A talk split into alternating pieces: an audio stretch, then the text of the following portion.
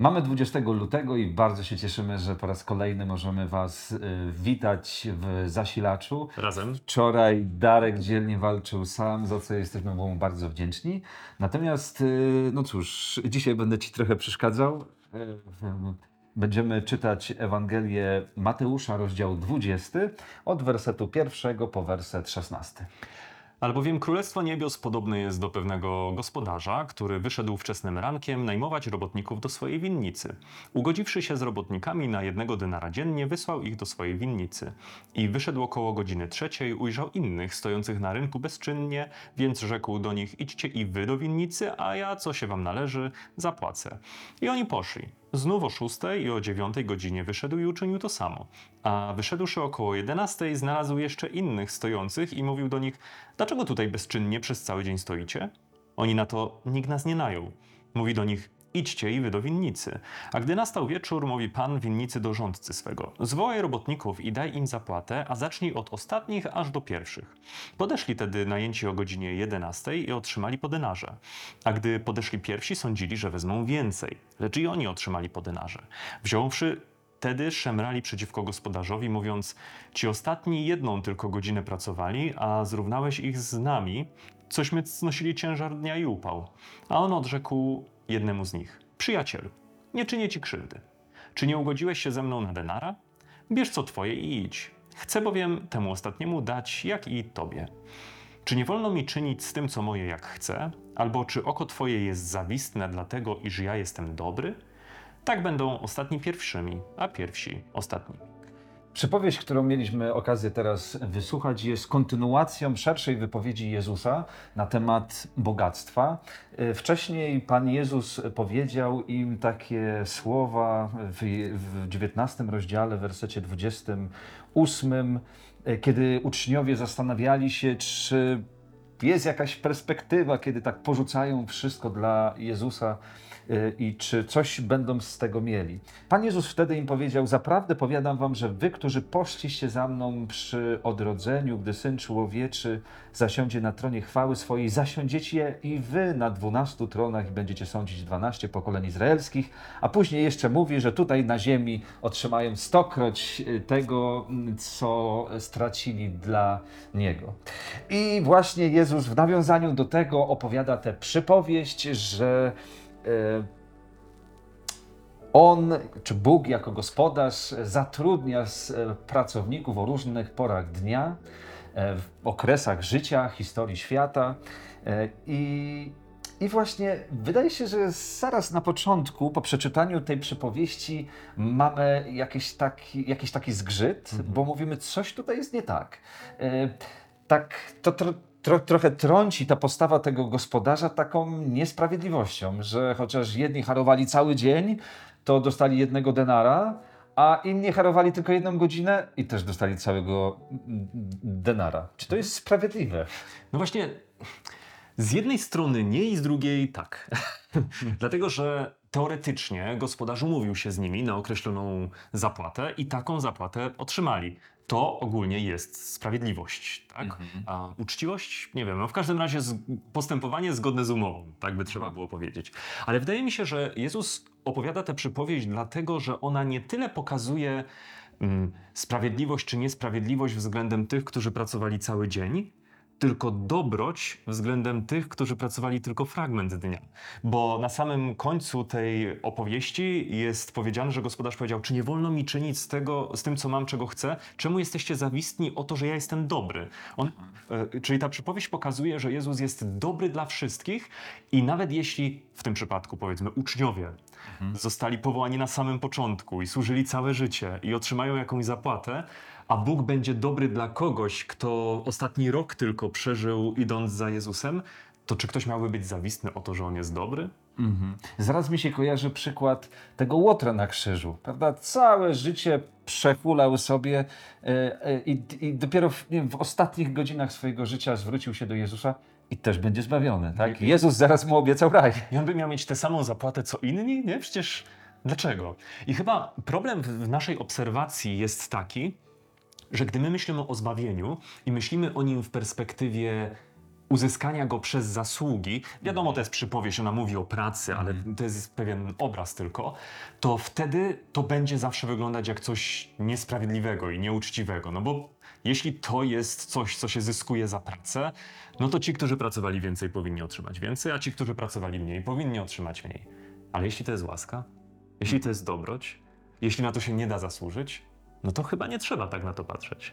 No właśnie, tak. Zatem ta przypowieść pokazuje dobroć Boga, Jego miłosierdzie i łaskę i nie powinniśmy czuć do Boga jakiejś pretensji, kiedy On po prostu jest dobry dla innych ludzi. Ja wiem, że może czasami mielibyśmy pokusę, żeby był tylko dobry dla nas i e, nam okazywał łaskę, ale ta przypowieść pokazuje, że Bóg jest dobry, chce być dobry e, dla wszystkich. Nie bądźmy jak ten starszy syn z przypowieści o synu marnotrawnym, gdy właśnie ojciec był dobry dla tego, który sponiewierał jego majątek i samego siebie, e, to ten starszy syn właśnie był, no gniewał się na ojca, tak? że, że tego, tego łajdaka e, potraktował w taki dobry sposób. I tak mamy tę jedną przypowieść i ona tworzy część kontekstu, bo pokazuje, że no, uczniowie pytają, będziemy mieli zapłatę, będą, będziecie mieć zapłatę, ale w przypowieści Jezus mówi, ale jakby nie miejcie za złe, że ci, którzy może nie będą aż tyle czasu, tak, tak nie poświęcą go na tę drogę, czy misję, czy jakkolwiek to nazwiemy, że dostaną tę samą zapłatę. Ale drugi element kontekstu to jest sprawozdanie z wersetów od 17 po 19, gdzie Jezus po raz kolejny mówi o tym, że będzie musiał iść do Jerozolimy i że tam będzie cierpiał i że ostatecznie zostanie ukrzyżowany, ale że potem zmartwychwstanie. I to jest wstęp do rzeczy, które dzieją się później i od wersetu 20 powiedziane jest, że przystąpiła do niego matka synów Zebedeuszowych z synami swoimi, złożyła mu pokłon i miała do niego pewną prośbę. I teraz to jest ważne dla mnie. Jak będziemy czytać o tej prośbie, to pamiętamy, co Jezus przed chwilą zrobił i co im powiedział w kontekście i tego, tej zapłaty, i co powiedział w kontekście jego przyszłości. I w tych okolicznościach przychodzi matka i ma prośbę. Tak. e, Na początku jest tajemniczo powiedziane, że prosiła go o coś. Ale Jezus oczywiście pyta się, czego chcesz, tak? Czego chcesz? I ona mu mówi w 21 wersecie: Powiedz, aby ci dwaj synowie moi zasiedli jeden po prawicy, a drugi po lewicy twojej w królestwie twoim. To ma sens. No bo popatrz, w, tam wcześniej czytaliśmy, że oni wszyscy przy odrodzeniu zasiądą na 12 tronach, nie? No ale wiecie, że 12 tronów, jak zostanie ustawionych, to ktoś musi być w środku. No bo nie będą siedzieć w kole, no w środku musi być, a w środku między tronami mam na myśli, będzie na pewno Jezus. No to wiadomo, że ktoś musi być po jego prawej i lewej stronie, nie? Nawet jeśli wszyscy będą na tronach. No bo tutaj też jest powiedziane, tak, że Syn Człowieczy zasiądzie na tronie swej chwały i tak jakby... Więc, więc czy to taka prośba po prawej, po lewej? No to, to jest jej prośba, nie? Ale właśnie to jest coś takiego, że oni, e, mimo że Pan Jezus wcześniej w tej przypowieści powiedział, że nagroda będzie jakby taka sama dla wszystkich, tak, to e, zaraz e, jakby oni mimo wszystko chcą, żeby mieli trochę lepszą nagrodę, tak? Chcą być w trochę lepszej sytuacji niż pozostali, ale to jest bardzo ciekawe, bo później czytamy w 24 wersecie, że, że gdy usłyszało to owych dziesięciu, pozostała e, grupa apostołów, to oburzyli się na tych dwóch braci. I rzeczywiście jest coś takiego, gdy ktoś w grupie się wywyższa, tak chce być lepszy od innych, prawda? To zawsze prowadzi do jakichś takich podziałów, do tego, że y, ktoś się burzy, ktoś.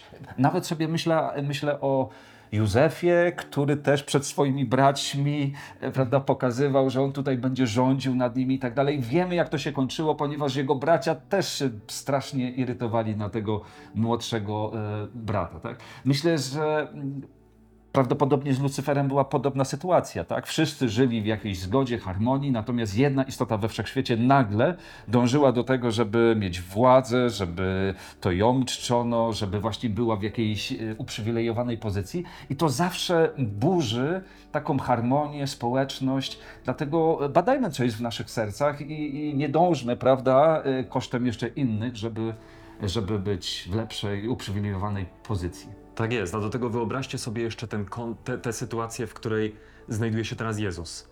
On im mówi o rzeczach, które mogły przygotować ich na rozczarowanie, które nadchodzi, na ten kryzys, który jest przed nimi, którego w ogóle nie rozumieją.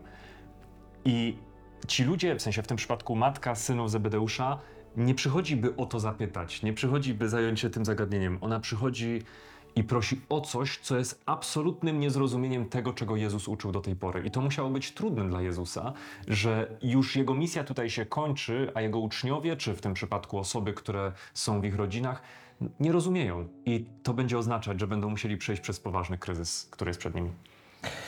No właśnie.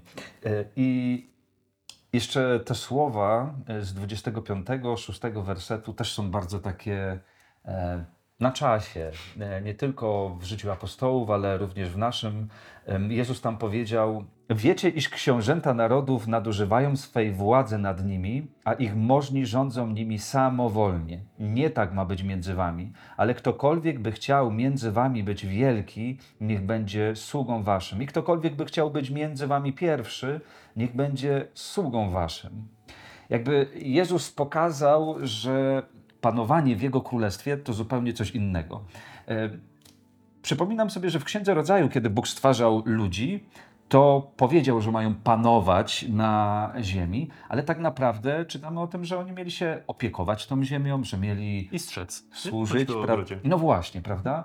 Natomiast y, kiedy człowiek zgrzeszył, to można zobaczyć, że to zostało, ten Boży model panowania został wywrócony. Mhm. I teraz my mamy taki model, w którym hierarchia jest, mogłaby być zobrazowana jakimś takim trójkątem, gdzie na szczycie jest ten przywódca. I Jezus w takim świecie się rodzi w takim świecie uczy. I uczniowie są wychowani w takim świecie. Zawsze jest ktoś, kto przewodzi, kto jest panem, kto jest królem, kto jest władcą. I Jezus robi bardzo ciekawą rzecz, bo on bierze tę piramidę i ucina jej szczyt, sprawiając, że na jej szczycie, wśród ludzi mam na myśli, pomijam no tutaj element Boga, na jej szczycie nie ma jednej osoby, tylko później są apostołowie, jest ich więcej, czyli jego kościół będzie prowadzony przez większą grupę osób, a nie przez jedną osobę, ale to jest dopiero początek. On potem bierze tę uciętą piramidę, jeszcze odwraca ją do góry nogami i mówi: Ci, którzy są pierwsi, będą na dole po to, żeby służyć tym, którzy są ważniejsi.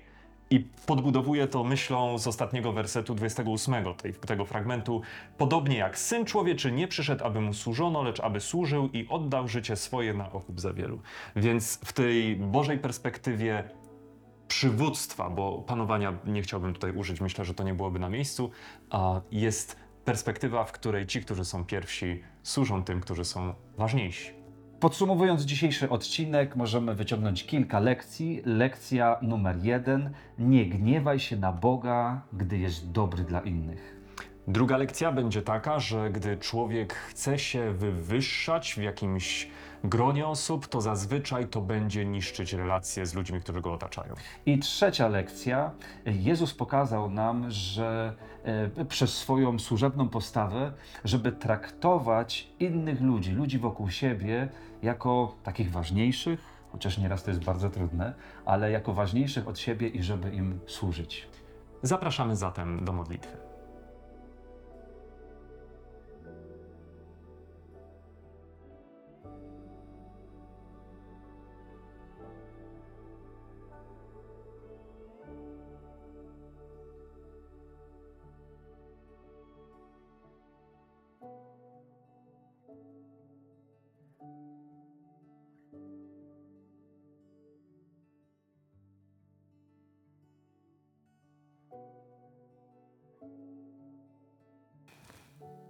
Kochany Ojcze, chcemy Ci podziękować za to, że jesteś dobry.